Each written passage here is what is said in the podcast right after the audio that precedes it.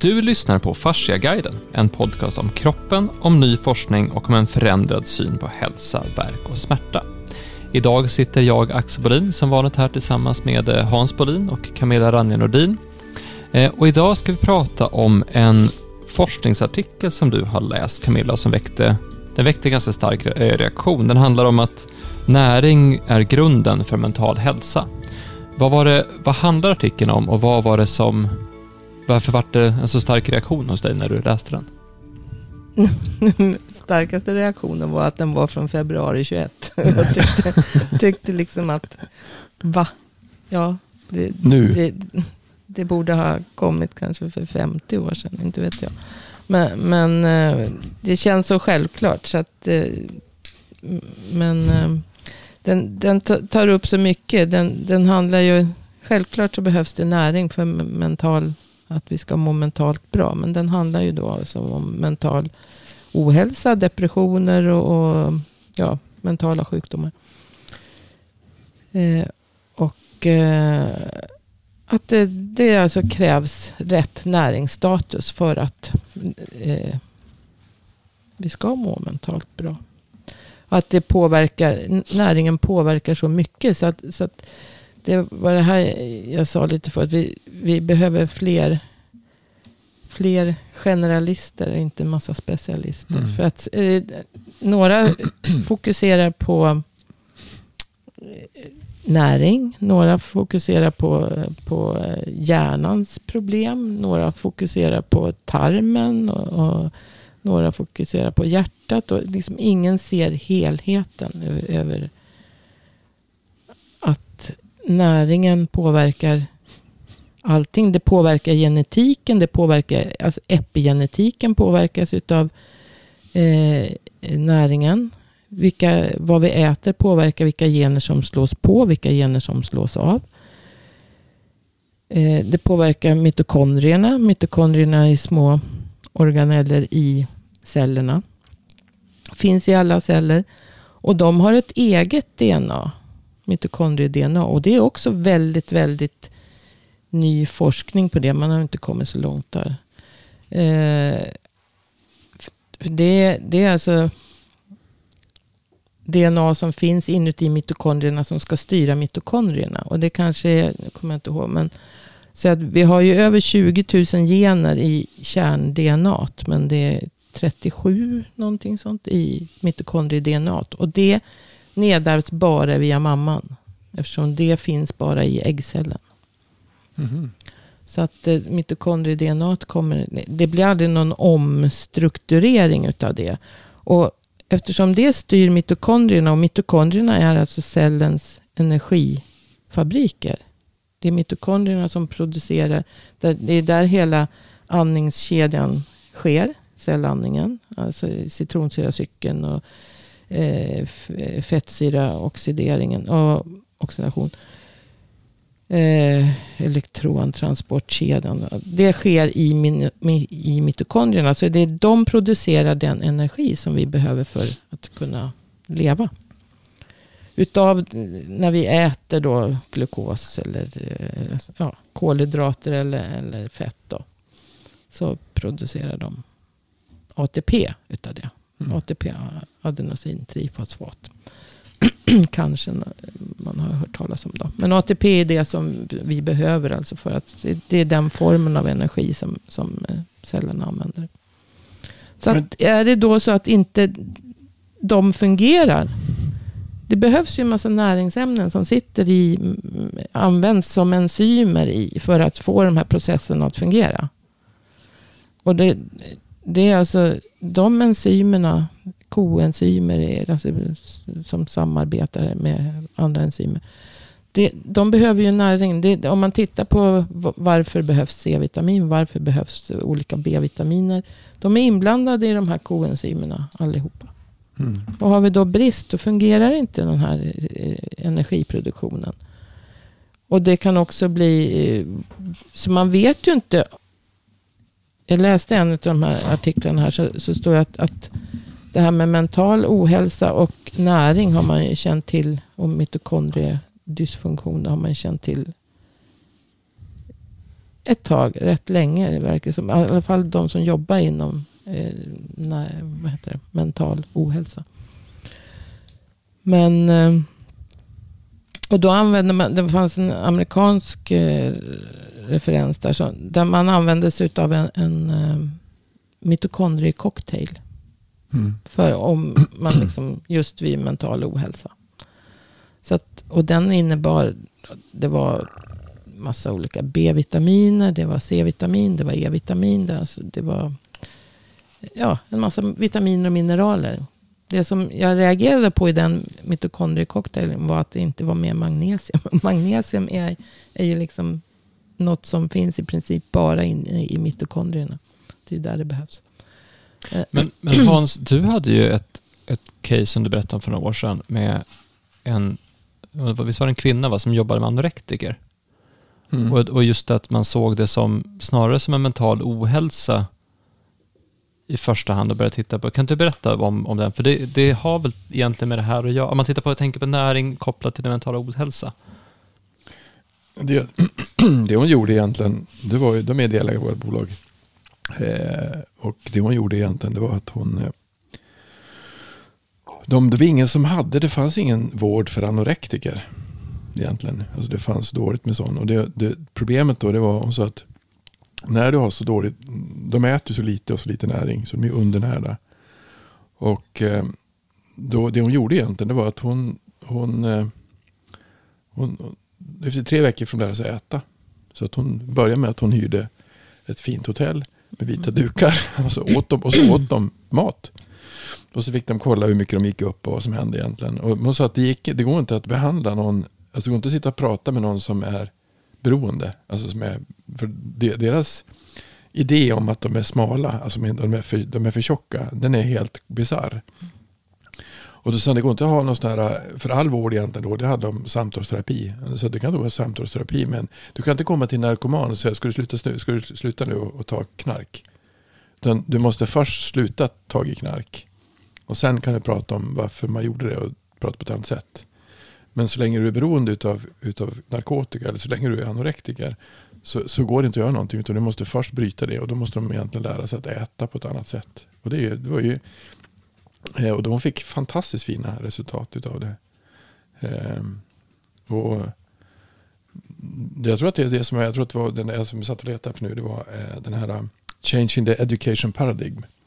Han tittade på, man kan söka den på YouTube, eh, vad heter han? Rob, Ken Robinson. Ken Robinson, han är tyvärr död. Men han, han menar att mycket av, eh, när man tittar på ADHD, ju längre man, man kom alltså in i stora städer, ju mer skitmat man åt, ju mer ADHD hade man. Mm.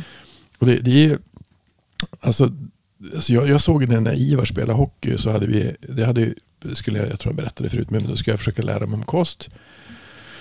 Och 2008 och jag läste en massa böcker om kost. Jag var totalt schizofren. För att många, det som fanns det var att kosttallriken som var, det var väldigt mycket kolhydrater. Och, som man skulle äta, snabba kolhydrater som fanns. Eh, det jag kom fram till egentligen efter att titta på det, att, att det, var ett, det var rätt viktigt med vatten. Mhm. Alltså, det var alltså för lite vatten, då, då tappar du... Jag tror att du går ner i prestationsförmåga ganska fort med för lite vatten. Så vatten behöver man. Eh, sen kan det vara bra med sen kan det vara bra med att tillföra energi, snabb energi efter en, alltså de spelar match. Alltså då, då gav vi dem frukt. Och sen så förbjöd jag socker. Alltså att de fick inte äta socker överhuvudtaget på, på när de var på träningar. Alltså när vi spelade hockey. Alltså inga lördagsgodis och sånt utan det är mat som gäller. Och det gick ju jättebra. Så vi, de, för de spelade, de här hockeyskillarna var, var, var 10-11 år. De spelade sex matcher på en helg. Alltså vi, skulle, vi skulle inte orka spela sex matcher på en helg. Man skulle dö. Det skulle man aldrig orka med överhuvudtaget. Det är fruktansvärt jobbigt. Men det gjorde de. De tyckte det var, gick jättebra. Eh, men då var det viktigt med återhämtning. Att de, så, så när vi hade ett träningsläger en gång då, då, då var det så här att det var allting var bra hit. Fritt, fritt, fritt, då vi var en bra kost och så. Och sen så, men sen var det då hade det varit kvällsfika och alla var helt tokiga. Så det var precis som att, vad, vad har hänt? Det var som ett aphus. Då hade de fått kräm. Och i krämen var det 80% socker. De var ju höga som hus och sprang runt. Alla hade ADHD. För vad ska du göra om du får så mycket energi? Det, det, det, man förstår som inte riktigt att kroppen inte är gjord för att ta emot den typen utav, utav mängd socker som vi kan få i raffinerad form. Det har aldrig funnits på jorden. Jag tror det fanns en, jag tror Karl Afors sa att om du ska äta, om du ska få i dig en, eh, om det är en burk, en burk cola så måste du äta ja, två decimeter sockerrör eller något sånt där. då, är det, då är det massa fibrer det också. Så att raffinerat socker, det har vi svårt att ta åt oss. Sen har ju, vet jag inte om jag har sagt förut, men, men alla frukter och, och bär och så, allting förädlas ju hela tiden. Och, och vi, vi vill ju ha dem så söta som möjligt. Så ett äpple idag Det är mycket, det är mycket, jättesött. ja, det är mycket, det mycket finns ju olika varianter. Ja. Men det, om man tänker sig ett, ett icke förädlat vildäpple. Ja. Ja, det, det är smart. Alltså, jag sa det spännande. Eller Det är samma som vi hade eh, sån här, vad heter det, eh, surkörsbär på när vi flyttade ut. ja. eh, där vi bor nu. Och, och det var ingen som tyckte om de där surkörsbären. Men, utan folk har bigarråer som är söta. Ja.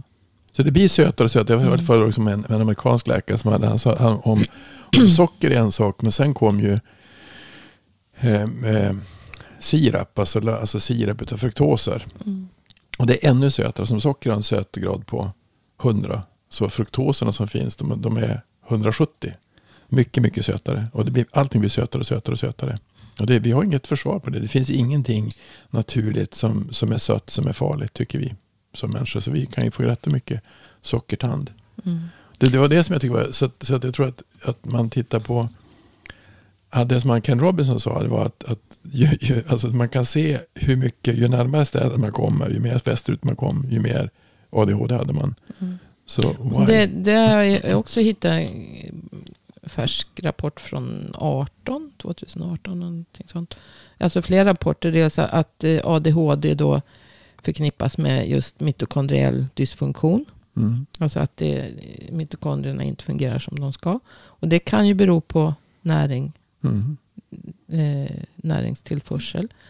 Och det finns en, en, jag hittade andra rapporter där det står då att eh, om man, man har givit eh, barn med ADHD också en bas av eh, vitaminer och mineraler Mm. dagligen. Mm.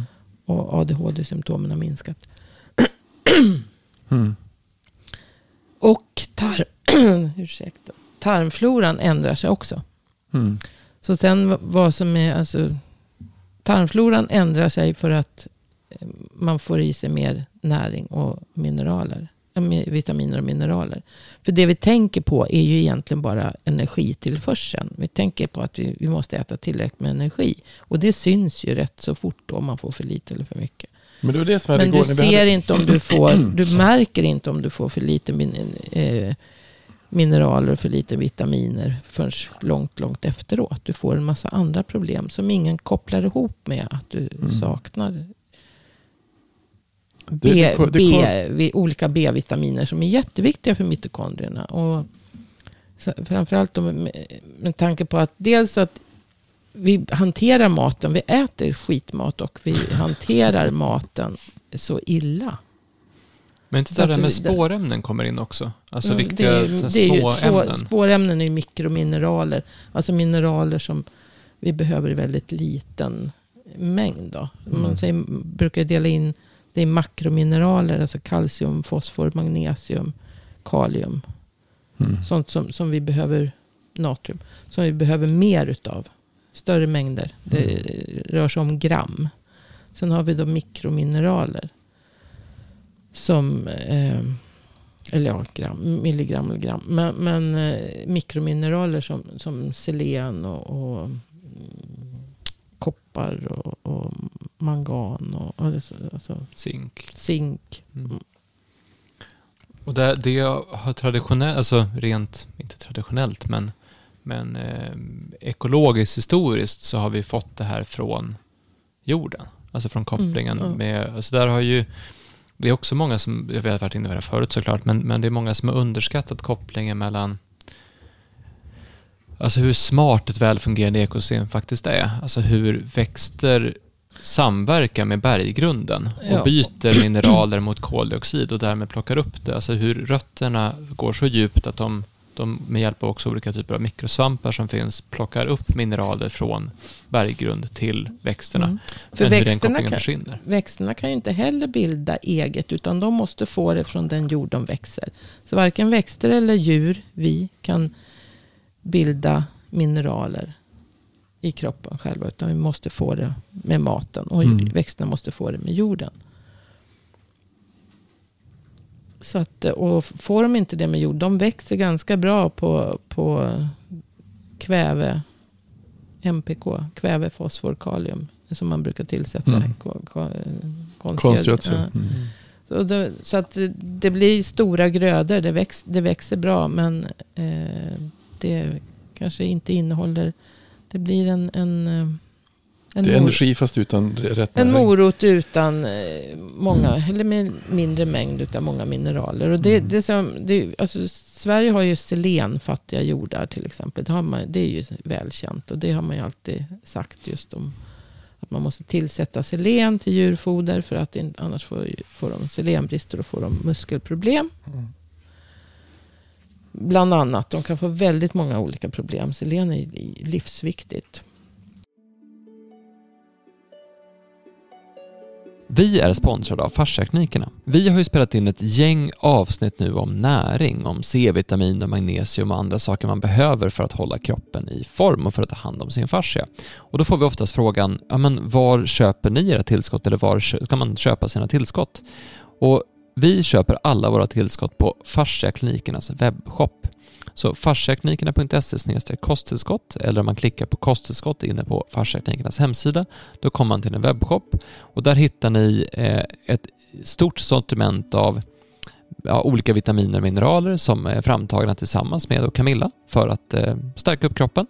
Och bland annat finns en ny serie av liposomala tillskott som har väldigt högt näringsintag. Eh, att man, man får väldigt bra effekt på de kosttillskott man tar helt enkelt.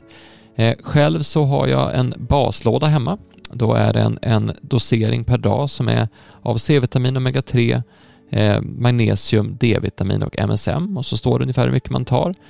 Och utöver det har jag extra C-vitamin för att kunna ta hand om hur jag då, men om, jag, om det är stressigt eller om det är mycket som händer eller om jag känner att jag är sjuk och så vidare så har jag alltid en extra burk C-vitamin.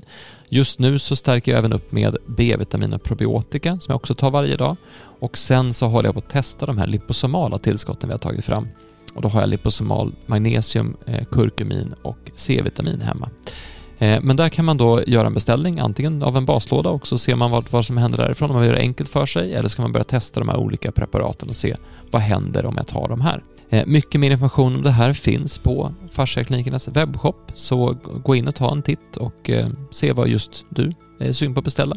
Frakten går snabbt, kommer hem i en snygg liten fascialåda med lite mer information och eh, ja, ta en titt på webbshoppen helt enkelt. Stort tack till Fasciaklinikerna. Vi pratar ju mycket om den här, alltså på bara 10-15 år så har det kommit fram fruktansvärt mycket ny information om, om fascia. Det är ju därför vi sitter här och spelar in det, det 44 avsnittet. Det finns mycket att prata om med fascia. Mm. Men, men sen, som vi varit inne på tidigare, så är det ju en lika stor eh, våg av ny forskning, nya insikter som får ny innebörd när det kommer till just tarmflora, bakterier, Tarmflora. hela den principen. Men då pratar vi liksom vad som är, vad som är inuti vår kropp. Mm. För sen finns det ju jättemycket som händer just nu också inom allting som har att göra med, med matjord. Alltså det, Mm. de har ju upptäckt att det finns svampar och bakterier i jorden som vi aldrig tidigare sett. Och de är så många så att också någon som sa att det fanns lika mycket eh, olika svampar och bakterier i matjord som det finns stjärnor i universum. Alltså det är så här Mm. helt, helt löjligt mycket olika Mm. bakterier. Men de bakterierna och svamparna eh, förstörs när vi vänder jordarna som vi gör. Alltså när vi i modernt jordbruk så, så vänder man på jorden. Mm. Och- Och, och, säkert också eh, när vi tillför en massa, när vi inte tillför naturlig gödning, alltså med Ja, eh, Och då har det funnits en, precis, det har funnits en koppling, tänk dig man tar som en, en, en kil och så sticker man ner den rakt ner i jorden.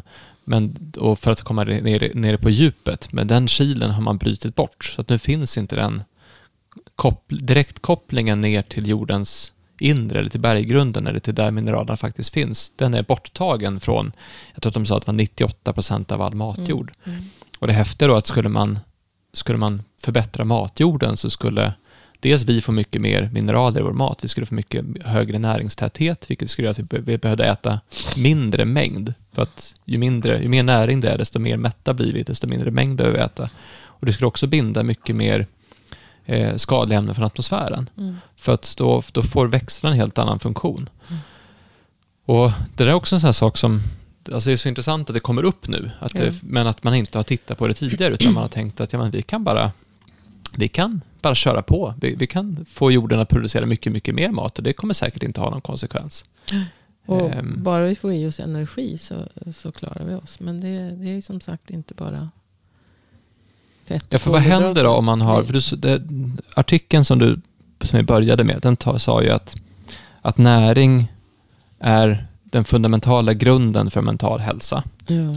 Eh, men vad händer då om man, man den, den, den tar ju upp, alltså den, den bara går igenom vad, vad näringen kan betyda. Just att vad vi äter påverkar epigenetiken. Så den tar upp lite sånt. Den eh, kommer in på mitokondriellt DNA. Att eh, det också påverkas av vad vi äter. Eh, och att alltså många sjukdomar är förknippade med, med allt, allt det här. Så att vi vet ju egentligen inte vad vi pratade lite om var ju det här med att eh, det är så lätt att avfärda att den sjukdomen, ja, det är genetiskt så att det kan vi inte göra någonting åt. Men man vet egentligen väldigt, väldigt lite om. För, för att en, det är inte så vanligt att en sjukdom så att säga nedärvs av en enda gen. Utan ofta är det många gener som samverkar och du vet inte. Från början är det en cell som börjar dela sig. Och vi har alltså ett, ett eh, kärn-DNA i den cellen, i den ce- cellkärnan. Och sen delar det här sig. Och så vi har, varenda cell i kroppen har samma DNA-uppsättning. Men de här, det här mitokondrie-DNA som jag sa, det, det finns i mitokondrierna. Och där, de kan hamna lite eh, olika vid celldelningen beroende på var de befinner sig. Och de kommer dessutom bara ifrån mamman. Nu har ju de, vad jag förstår, oftast, och vad man vet, man vet inte så mycket om, om det.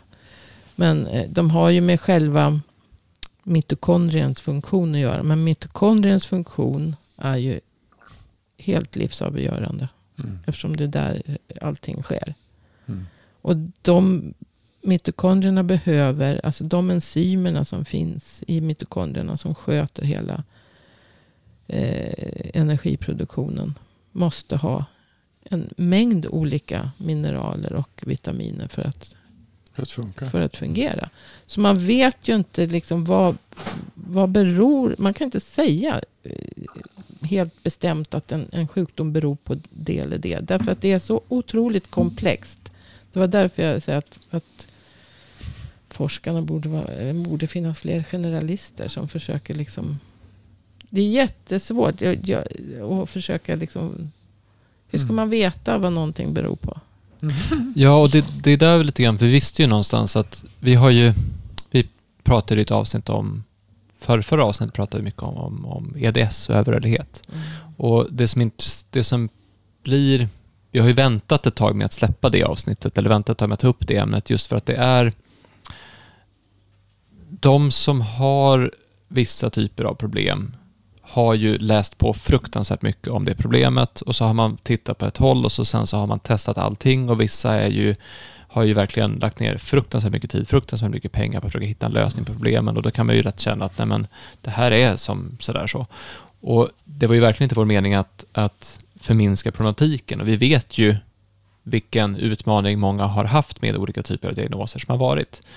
Eh, det vi ville säga med, med det, det vi, det vi vill säga överhuvudtaget med, med fasciaguiden är att vi försöker titta på problem utifrån ett annat perspektiv, utifrån ett nytt perspektiv, utifrån just det här med fascia.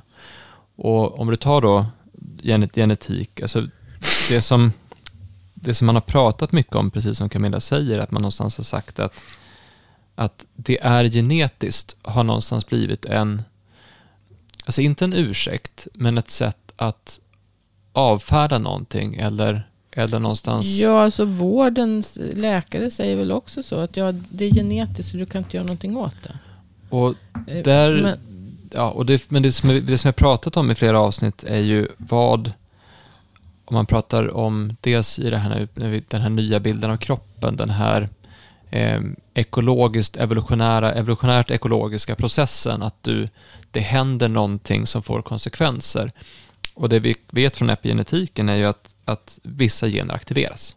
Mm. Så att anlaget finns och det aktiveras. Mm. Men varför aktiveras det? Någonstans på vägen slås ju den här genen på. Varför sker det? Och kan man då slå av en gen som har slagits på? Ja, alltså du kan, du, det gör ju kroppen hela tiden un, under... eh, Alltså om du sä, tänker att det, du är en enda cell som delar sig och den cellen ska bli vi, eller jag, så småningom. Och de, måste ju, de, cellerna måste ju specialisera sig och få olika... Det var ju som jag sa igår på den här. Eh, att vi är ju bara en enda stor mängd specialiserade celler och däremellan finns fascian som håller ordning på de här cellerna. Så vi är ju bara, istället för att se organen som, alltså de, de, du kan ju som jag sa igår också på den här workshopen, då, att man kan inte dissekera och ta ut en njure utan att, så att säga, skära sönder fascian runt omkring. Mm. Utan det, det kommer ju liksom... Allting hänger ihop. Och, och det är bara att på ett ställe så har en grupp med celler specialiserat sig. Och de har ja, grupp, grupperat ihop sig. Och sen så blir det andra celler ute vid kanterna. Och sen går det ut i fascia. Och sen så blir det en annan grupp med, med specialiserade celler. Och i fascians celler är ju också specialiserade på det de ska göra. Mm. Så, så att, och, och mellan allt det här som sitter alla de här kollagentrådarna som håller ordning på alla celler. Det var som jag sa för något avsnitt sen att, att encelliga organismer har ingen fascia. De, har, de har, behöver inga kollagentrådar som håller ordning på dem. Mm. De har hyaluronsyra. Finns i en, en bakteriecell till exempel. Men om eh, när, de, när vi blir flercelliga så måste det finnas en, en fascia. eh, Ett, ett kollagennätverk med ett flöde emellan. Mm. Som håller ordning på alla celler. Och som håller strukturen och som kommunicerar. Och som Ja, ja. Jag, ju- jag har gjort något så här, jag tycker, det, du har gjort mer men jag gjorde det där när jag var... Eh, jag var ju till en, eh, Charlottas syster höll på med kinesologi. Alltså testa vad man var allergisk mot, vad man inte tålde. Det var lite flummigt tyckte jag. Vadå muskeltesta? Kan man bli svag av någonting? Det kan man ju bli. Och eh, det, det är klart att det, det som var intressant när man gjorde det, för att vi, jag var 27 då. Och eh, jobbade ganska mycket och stressade ganska mycket.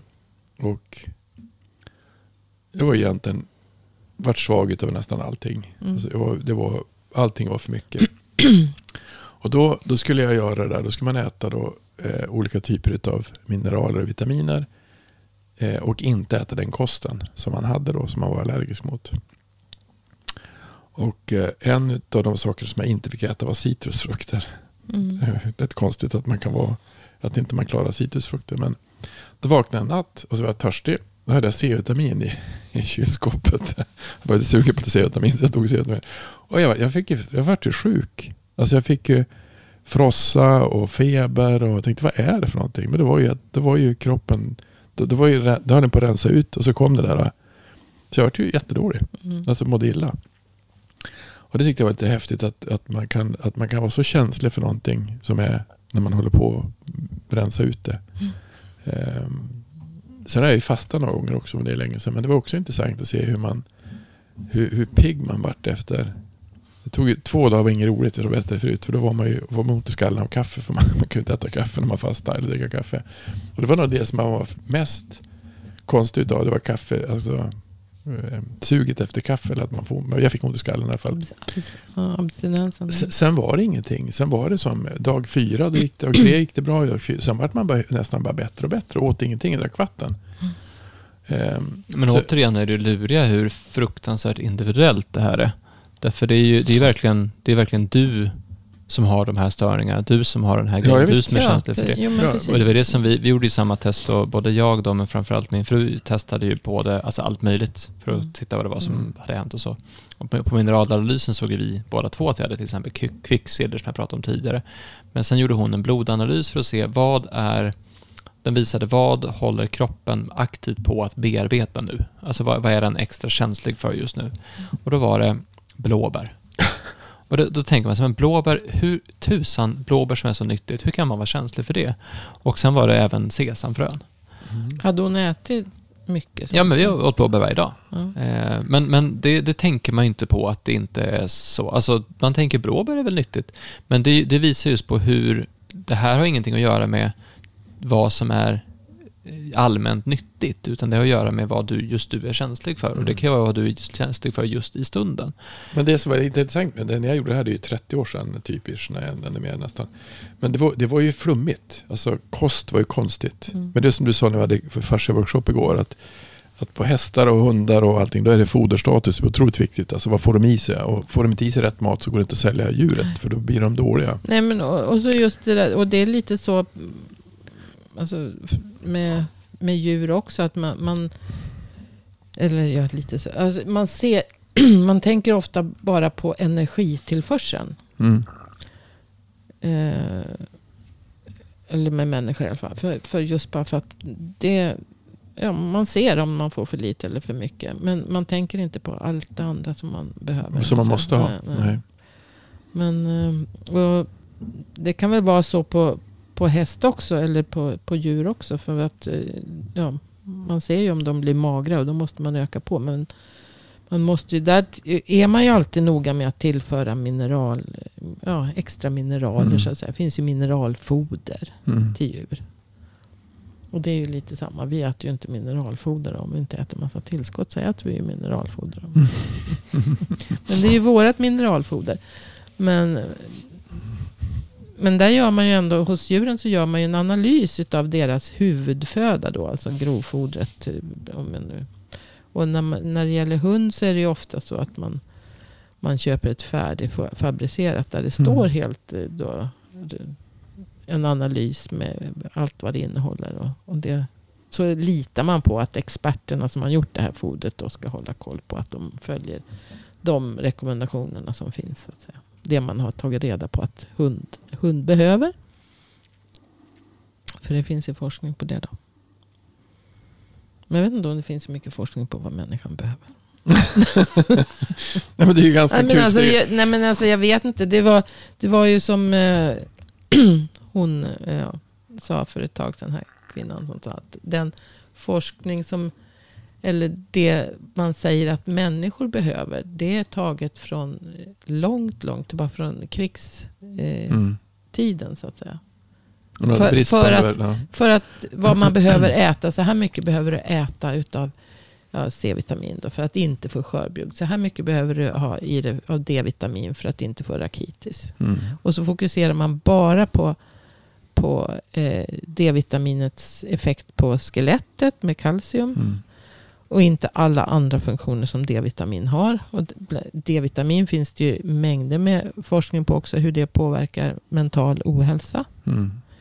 positivt, alltså med D-vitamintillskott. Och likadant hur det påverkar tarmens hälsa. Tarmsammansättningen mår jättebra utav, utav D-vitamin.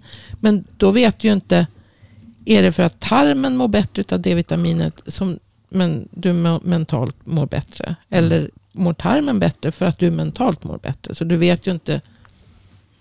Det är ju ingen som har, har kommit så långt än. Men det sägs ju Så- själv så- egentligen att, så- att så länge när det, när det är fint väder och ljust, fast vi får inte i oss mycket D-vitamin. Inte den här tiden på året. Men men på ljuset påverkar ju också.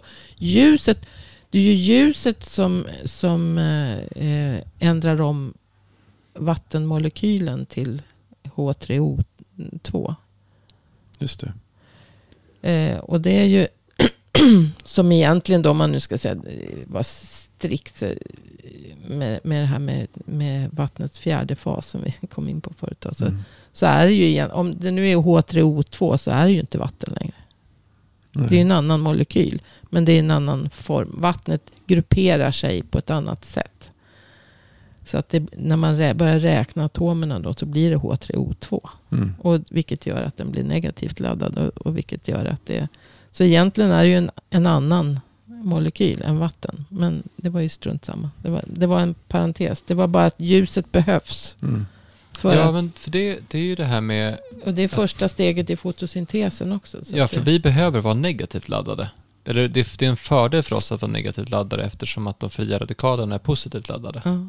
Så att trycket vi utsätts för är positivt och vi behöver vara negativa för att ta emot det. Jag, jag tror att, och det finns väl mycket på det. För djupandning gör ju att du blir negativt laddad. Mm. Och jordning gör att du blir negativt laddad. Och Ja, att du- vara i vatten gör att du blir negativt laddad. Du får ju också, du får ju ut alla sura joner. För de är I alla, positiva. De är Mm. positiva. När du eh, djupandas. Det är ju ett sätt för kroppen att rensa ut koldioxid, sura Mm. ämnen. Så att... Eh, ehm, Men jag tänkte på det du sa med här med att näringsämnesrekommendationerna kommer från krigstiden egentligen. mm. Det är ju ganska intressant om man tittar på vad vi åt då jämfört med vad vi äter nu. För jag pratade med en kille igår som var vegetarian. Eh, och han sa att det, det är lite lurigt nu med dels det, alltså, och så tänker folk att ja men då kan man inte äta hit och dit och fram och tillbaka. Fast man kan ju äta på ett annat sätt om man tänker på ett annat sätt. Man kan ha fler, man kan äta fler olika rätter istället för att äta, alltså man, man tänker oftast tallriksmodell. Mm. Som veg- alltså, vegetarian tallriksmodell, det blir svårt och så vidare. Men du kan ju vara vegetarian och äta alla möjliga typer av saker. Och sen så kan man ju, vi har ju testat till exempel att, att för oss funkar det inte på vegetarianer, för mig och min fru. Därför att vi behöver, vi behöver en näringstäthet som finns i, i kött och så vidare. Men, och så pratar man, vi pratar mycket om att det finns, det är mycket mer allergier nu än det var förr i tiden. Det är mycket mer specialkost nu än det var förr i tiden.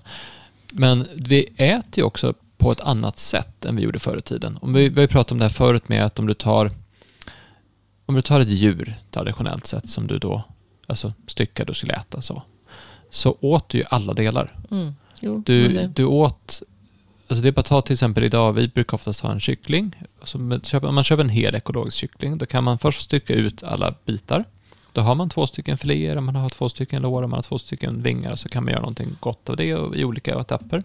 Och så kan man göra buljong på skrovet, då får du ut då får du ut massa kolla, Mycket, mycket kollagen. Du får ut mm, alltså, mer fett och mer... eh, Men idag är ju det, det är ju någonting som, alltså vissa gör absolut, men det ses ju snarare som någonting som är lite jag omständigt. tror att det är väldigt få som gör. Och ofta äter man istället då en, en kycklingbröstfilé till exempel. Mm. Och, och så gör man ju samma sak med, alltså det är ju väldigt få tror jag som tar ett, eh, ett eh, koskrov och kokar buljong på det. Alltså så, det Ja, kanske det man inte gjorde i om, alla om fall. du Men, köper bitar med ben i, men det är inte så många som gör det heller, utan man vill ha det benfritt. och det är nog många eh, tungor och, och grejer som slängs och det är nog mycket, eller som mals ner och blir foder för djuren och sånt där. Så att vi, vi använder ju inte oss av djuret på samma sätt som man gjorde förr i tiden. Mm.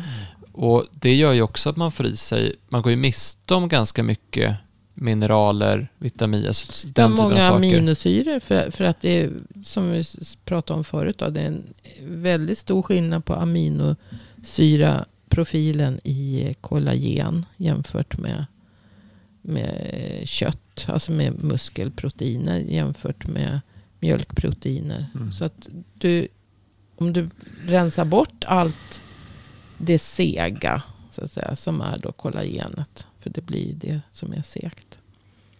Och samtidigt är vi utsatta för en annan typ av störningar än vi var för flera Vi år är- sedan med, med mycket mer men föroreningar i atmosfären. Mycket mer föroreningar, mycket mer stress. Och stressen gör ju också, varför har alla men, mentala ohälsor, ADHD, problematik på, eh, med barn och, och Ja, eller allergier. Eller allergier, allting ökar lavinartat. Mm. Alltså, och ingen...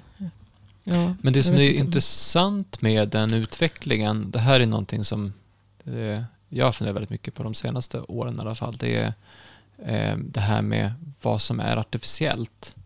Att det är det en utveckling någonstans som går eh, som avhumaniserar, alltså av man, man tar bort naturen mer och mer. Man tar bort människan mer och mer, utan det blir snarare någonting som är konstgjort i det. Mm. Ehm, det, den utvecklingen är ju, den får ju den går ju hand i hand med hälsoproblemen. Det här med att vi, alltså urbaniseringen blir mycket större. Eh, du tar en, en, en, ord, en jord som är väldigt bra odlingsbar och asfalterar den. Jag tänkte bara på en sån sak, eh, att jag var ute med min hund i, eh, häromdagen och det är, det är fruktansvärt kallt i Stockholm just nu. Eller framför allt var det det för några dagar sedan.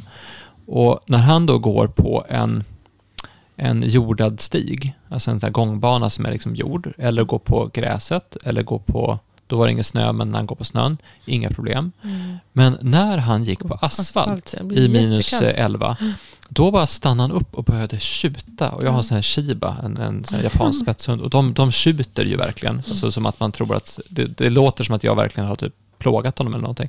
Han höll upp sin tass och skakade hela kroppen och jag tänkte så här, nej, har han vrickat klon? Har det här hänt någonting? Men då var det asfalten som gjorde att han var så kall. Det är jättekallt. Och den blir jättehet på sommaren. Så det måste man Ja. också tänka på. Och han, han klarar ju av, alltså han är gjord för att klara av Ja. extrema väderförhållanden och så Han vidare. är gjord för att gå på naturlig mark. Och det är en vild hund och så vidare. Men, men just asfalten är ju, den är ju död. På ett helt annat sätt än vad jorden är, än vad eh, en jordad stig är, eller än vad till och med grus är, så är ju asfalten, Mm, ja. den är ju död.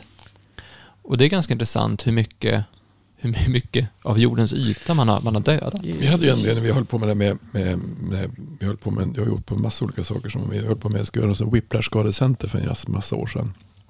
Då, då kom ju, Torsten Gård kom ju fram till att whiplash det var, en, alltså det var inflammation i nackrosetten.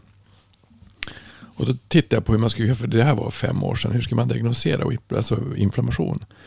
Men då var det, berättade Karl om att du, du kan mäta egentligen hur mycket omega-3 och omega-6 finns i kroppen. Alltså ration mellan omega-3 och omega-6.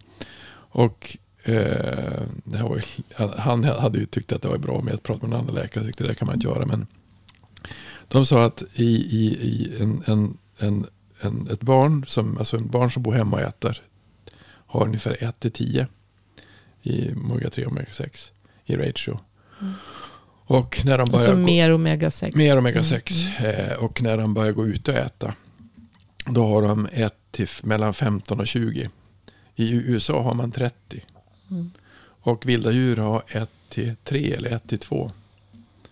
Eh, och då, det, omega, då, då menar att det som omega-3 och omega-6 det är egentligen ration. Det är hur inflammatorisk man egentligen är. Hur, hur, hur, nära man är att, att alltså, stre, alltså inflammation, stresspåslag. Och tar man bort det som man äter mycket omega-3, alltså mycket det, alltså fett, så, så blir man mindre inflammatoriskt. Så att få ett, annat, ett, ett, Eh. ett högre förhållande. Ja, du blir säkert lugnare. Du blir säkert mindre stressad. Därför då går ju, då går ju inflammation, alltså det andra är ju en stressad. Ja, man säger det att o- omega-6 är mer inflammationsframkallande. Ja. Mm. Så du ska ha ett annat. Du behöver de fettsyrorna också. Men det är väl Du så får, dem, förhållandet. du får till- dem rätt mycket ändå. Ja, jo, men precis. Man behöver, hade- inte, man behöver inte tillsätta dem. Nej, Nej, så- därför man, man äter, det man äter det innehåller mycket omega-6. Och det, vi äter dåligt med omega-3. Så han hade Karl han testade då, han, han testade väv, hade jag kanske berättat förut, men han testade hur mycket vävnadselasticitet, man kan inte mäta elasticitet på blodkärlen. Mm. Man blir, man blir mindre och mindre elastisk. Mm. Jag tror han hade, vi säger att han var 75 år gammal och han hade blodkärl som var 65 kanske. Och efter tre månader så hade han blodkärl som var 40. Och då åt han mycket omega-3 Mm. för att stabilisera upp det så kan man mäta den nivån. Det, det, det är ganska intressant att vi tycker det är konstigt. Men det vill alltså, spelar någon roll. Men om vi tänker tillbaka för, inte vet jag, men ta, Det är ta- ta- kollagen i, i blodkärlen också. Så du ändrar ju om kollagenstrukturen. Och han åt ju säkert annat som innehöll kväveoxid. Ja, givet. eh, Rödbetor. Ja, jag har Så- redan, han som ja. gjort rödbet och lingon. Som också gör att kärlen blir mer elastiska. Det Mm. finns ju... Men det är lite intressant att vi inte, det, det dyker upp någon gång sådana här, nu kom det var länge sedan jag hörde det, men de här blåzonerna som finns och vilken kost, varför man blir så gamla på vissa ställen. Mm. Det är ju, eh, det, de äter ju speciell kost, Jo. rakt av. Och de rör sig väldigt mycket. Mm. Och framförallt så har de kul. De är roliga. För det var, jag, det, jag har ju kö- köpt den här boken, läst den här boken och då var det ju framförallt de här gubbarna på Sardinien då. Ja. De vart ju, alltså, de hade någon, jag tror alla gubbar blev över 95. Mm. Och gummor också, gummor också för den delen, men de var riktigt, riktigt gamla och de gick ju i bergen med sina jätter även när de var 95. Mm. Och så åt de ju ost och de rökte cigaretter Ja. och de drack vin. Men de, framförallt så hade de väldigt, väldigt trevligt. Och det var med, det var med måttlighet de gjorde allting. Så det var väldigt liksom, det var inte- de var inte, de följde inte råden som vi skulle kalla hälsosamma, men framförallt så, så var det ju en, en ja, men de var väl ganska, ganska mycket i, i lugn och frid i, i, Mm. i det de var i. De, de hade en stark gemenskap och de... de Hade de inte så. sex väl? Alltså, alla hade sex också tror jag. Det tror jag inte jag stod i boken. Var det inte det? Jag, jag, har- jag har hört det. Eller? Att de gifte om sig när de var... Jag har skaffat en ny kvinna och 91. Ja, men det, det är mycket möjligt. Eh, nej, men så det, nej, men det var... Eh, när man, alltså du upplevde det Hans, när du började titta på kost, eh, att det är fruktansvärt mycket olika eh, skolor och experter som säger olika saker. Och vi har ju pratat om det här med att det är väldigt mycket olika saker som gäller också. Det, det, är väldigt, det kan vara väldigt utmanande ibland att hålla koll på, men vem ska man lyssna på då? Och då, vi har ju en, en en, vi har ju pratat om det i ett helt avsnitt faktiskt. I det andra avsnittet av Farsägaren så pratar vi mycket om det här med vår enorma auktoritetstro. Att vi gärna vill ha en expert, en auktoritet som säger åt oss vad vi ska göra. Man vill gärna att någon säger hur det ska vara, så att man Mm. kan så. Men om man ska vända på det här andra spåret, vi var inne på det lite grann i förra avsnittet om den här natur, eh, naturfolken som sa att, eh, att vi är så konstiga som tänker med hjärnan Mm. i vår kultur, när de andra tänker med hjärtat. Mm. Eh, och hur gör man, alltså vem ska man tro på egentligen? Och det vi har börjat titta på mer och mer och börjat inse mer och mer är att man kanske ska tro på sin egen kropp. Att man börjar, för när man börjar lära känna sin egen kropp, då lär man, börjar man lära känna sig själv och då måste man ju känna efter. Och när du gör någonting då, då kan du känna efter vad som, känns det här bra? Och om det känns bra så blir man lugn, det känns fridfullt, det känns, det känns harmoniskt, det känns inte stressande, utan det känns, det här känns bra. Mm. Och det häftiga är att när man tränar upp det där så kan man ju börja se hur kroppen reagerar på olika saker. Så som du pratade om med det här med när du var känslig för vissa ämnen och så tog du någonting så reagerar kroppen. Det där kan ju du känna av i om vi säger så här, vår förmåga att känna av vad som är bra för oss är förmodligen mycket, mycket starkare än, än vad man tror. Och ett sådant exempel var, jag pratade med min, eh, en, min, min frus syster om, om det här med hur fantastiskt det egentligen är att hur, hur tusan kom man på vad i naturen man kunde äta? För hon har varit ute och plockat svamp. Och det finns ju så fruktansvärt mycket saker i skogen. Och vissa saker är ju direkt giftiga. Och det kan ju inte ha varit så att det var trial and error. Alltså det kan ju inte varit så att man har testat allting och så har man dött och så nej men där ska vi inte testa igen. Och så har man Tänk- kommit tänk Den som Amazonas. inte testade överlevde. Det, det, Jag tänkte den var så- Ja, men den, den teorin, den, den är ju egentligen för... Det är ju för ologiskt. Alltså att, att, jag, att jag skulle gå ut i skogen och bara testa allting och sen se... Då kanske det är så att man, man faktiskt kunde känna efter. Man kanske kunde... nej, ja, ja, men visst. Ja. Att, att man kände på plantan, den här, och det vis, menar vissa Lukta att de har kanske- pratat kanske med plantor. smaka. Mm. Och då kanske man tänker, det tänker vi så här, vadå prata med en planta? Det känns ju jätteflummigt och jättekonstigt. Mm. Men, men tänk om man faktiskt kunde det. Tänk om vi har en förmåga Men att faktiskt prata djuren, med... Djuren äter ju oftast inte det som är, är giftigt. Så vi kanske har en sån förmåga. om och då de måste inte den gälla säga, på... Ja, men precis. svälter och blir absolut tvungna, då kan de börja... Ja, men som en häst, den brukar oftast rata det som är... Det finns vissa undantag, alltså växter som har gjort sig väldigt smak, smakliga. Mm. Men ofta så smakar de här giftiga växterna illa. De luktar säkert illa. Om man har en känslig nos. Som Mm. vi har inte lika... Men vi kan säkert ha haft det. Känsligare nosar. Mm. Därför att vi hade känsligare sinnen överhuvudtaget. Vi har trubbat av ma- massa sinnen. Mm. Men det är det du säger. Ja, och det, det är inte ens säkert att det är smak eller lukt. Det kanske snarare är en förnimmelse. Ja.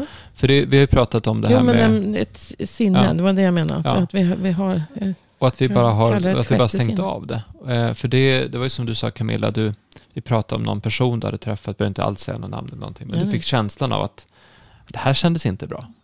Mm. Det här var ingen bra person. Eller, det var ingen, eller bra person, bra person, utan det var ingen person som var snäll. Och ibland kan man ju få en sån känsla. Mm. Och då ska man försöka Fast rättfärdiga den med logik och så känner vidare. personen utan bara... bara Du får en första in, Ja. intryck av att det är så. Och det är den, den intuitionen kanske är mycket, mycket mer fundamental än vad man tror. Så att den som ska, vem ska du lyssna på? Ja, du kanske ska lyssna på dig själv. Du kanske ska börja känna efter. Och vad ska jag äta för någonting? Du kanske ska börja känna efter. Du, alltså, att man inte ska läsa sig till eller lyssna sig till eller, eller så till vad man ska göra. Utan man kanske bör, snarare börja känna efter och testa själv. Det är den här magkänslan. Men vi hade ju det exempel på att jag tror att, jag tror att en, igår var det en läkare som var med på den här fascia-workshopen som berättade om det här med att man när det var en skada så gav man arnika istället på en gång. Så, så, så, jag var från På, Tyskland. ja, i, I Tyskland ja. Inte, Jag jag inte i Sverige. inte i Hon sa- hon inte- sa inte i i, Sverige. I Sverige skulle man ha bandagerat det Mm. och liksom. Och det, jag, tror att, jag tror att i, i, det är olika olika kulturer. Alltså, jag tror att man hade mycket mer av kunskap. Om vi tar, hade nu, när man diskuterar med barnmorskor. Alltså barnmorskor för 1945 var nästan alla hemförlossningar. Och det var inte så många som dog av det heller. Eh, Men då hade man en annan kunskap om Mm. vad man ska göra för att få igång verkarna, göra saker och ting och så. Den är ju helt borta idag. Och det är, min farmor höll på, jag tror jag berättade förut, hon höll på med att koka enbär och lava och allt massa saker för att rensa då. Bland annat njur, njursten tog hon bort, hjälpte hon till att ta bort och rensa ur. De recepten finns ju inte idag. De, de är ju borta. Och det någonstans, jag tror att den finns kvar mer i, i, i, i Europa. Alltså i Frankrike och i Tyskland och, och sådana länder. Eh, men det är en kunskap om, om att vi egentligen så, vi, det är det som inte vi förstår, men vi lever ju på jorden, av jorden, i jorden, i en symbios. Eller som du sa, att om man ser på att vi är en droppe i ett hav, en all, med vi är en droppe i ett hav istället för att vi är, vad sa du, en kugge i ett Kuggigt maskineri. Är inte så bra, men vi droppar i ett hav, så vi påverkar ju så som du sa om, vagus, eh, vad sa du om vagustonen som fanns? Alltså, grupp- Gru- gruppens, gruppens- gruppens eller vad vagus sa ton. jag? Ja, och den, är ju, den har ju varit extremt jobbig nu i ett par år när, man har varit, när alla är så rädda. Ja. Eh, och det, det är klart det påverkar. Det är klart att vi är flockdjur. Det är klart det påverkas av allting som är. Men om man, om man ställer sig ner, som jag gjorde när det var sån här börskrasch, det var 2008 när jag var sån här lärare, så att då hade alla, det var börskrasch och alla hade köpt, vi skulle träna och köpa och sälja aktier. Efter tre veckor när kraschen, alla var, jag kom in i klassrummet, alla var, det är hemskt, vad är det som har hänt? Så jag, ja men börsen går ner, men jag har ju inte förlorat något. Och då släckte jag ljuset så att ta ett djupt andetag, andas. Ja. Andas ni? Ja. Har ni mat för dagen? Ja. Vad är det som är problemet? Ja, men börsen har gått ner. Det är, det är bara en lek. Förstår ni det nu? Ja, ja, det, ja precis. Det är bara en lek. Fastna inte där. Nu, gör vi, nu hittar vi på ett annat sätt att, att vända på det istället. Hur ska vi göra för att, att tjäna pengar när börsen går ner? Det gjorde de ju också. Så att man kan bli ganska... Man kan fastna ganska mycket i saker som inte har med någonting att göra. Mm. Eh, och därför tror jag att jag tror visst man kan lära sig hur man ska äta, hur man ska sova, hur man ska göra, hur, vad man mår bra utav och inte bra utav. Men då får man ju lita till sin egen intuition och känsla. Mm. Jag. Men eh, jag tänkte, jag började ju prata förut om, om det här med slav och pågener. Som du frågade. För när, när cellerna specialiserar sig och så, så slår ju, eftersom vi har samma genuppsättning i varenda cell i kroppen. Mm. Så är det ju inte, och cellerna, eller organet då som cellerna bygger, någon specialitet som ce- cellen har. Har ju inte samma funktion om det är en muskelcell eller om det är en, en fasciacell. En fasciacyt eller en fibroblast. Och då är det ju olika gener som är påslagna i de olika cellerna. Därför att muskelcellen har en viss, ett visst behov. Och då, det behovet finns inte i en annan cell. Och då är de generna avslagna. Så att de, det är ju olika gener som slås på och slås av under hela embryonalutvecklingen. Hel, under hela utvecklingen utav människan. Och vilket också... Det, det finns ju forskning på att, att fostret påverkas utav vad, mam, vad som händer mamman. Och det är också det, alltså det är ju epigenetiken. Vad slås på och vad slås av. Och om, om mamman äter onyttigt så, och för, för socker påverkar och stänger av gener. Eh, finns något som heter metylisering som då ofta stänger, vad jag förstår, ofta stänger av gener. Det, men, men gener, eh, det kan väl, slås på och slås av om vartannat. Men, men eh, om man då äter på ett sätt som så att säga, stänger av vissa gener. Ja, då kan man ju drabbas utav. Det är inte så konstigt då. Att, att det kan bli fel. Mm. Sen kanske det går att ändra på så att det slås på igen. Eller, eller så var det positivt att det slogs av. Så att säga. Det, beror, det beror ju på. Mm. Men det, det är så svårt att säga. Det är ju ingen som vet. Mm. Man vet inte så mycket om, om de här funktionerna i, i kroppen. Därför kan man ju inte säga stensäkert om, om någonting. Att det är genetiskt. Det, det är liksom lev med det. Nej, vad vi vet idag så, så men det skadar ju inte att, för, eftersom vi vet att generna påverkas utav vad vi äter. Är både mitokondrie-DNA och kärn-DNA påverkas av vad vi äter. Vi påverkas av att vi är stressade. Det påverkas utav läkemedel. Mm. Eh, antibiotika och massa läkemedel eh, förstör mitokondrie-DNA till exempel. Alltså det, det eller förstör mitokondrierna. Eh, ja, så att liksom allt vi utsätts för.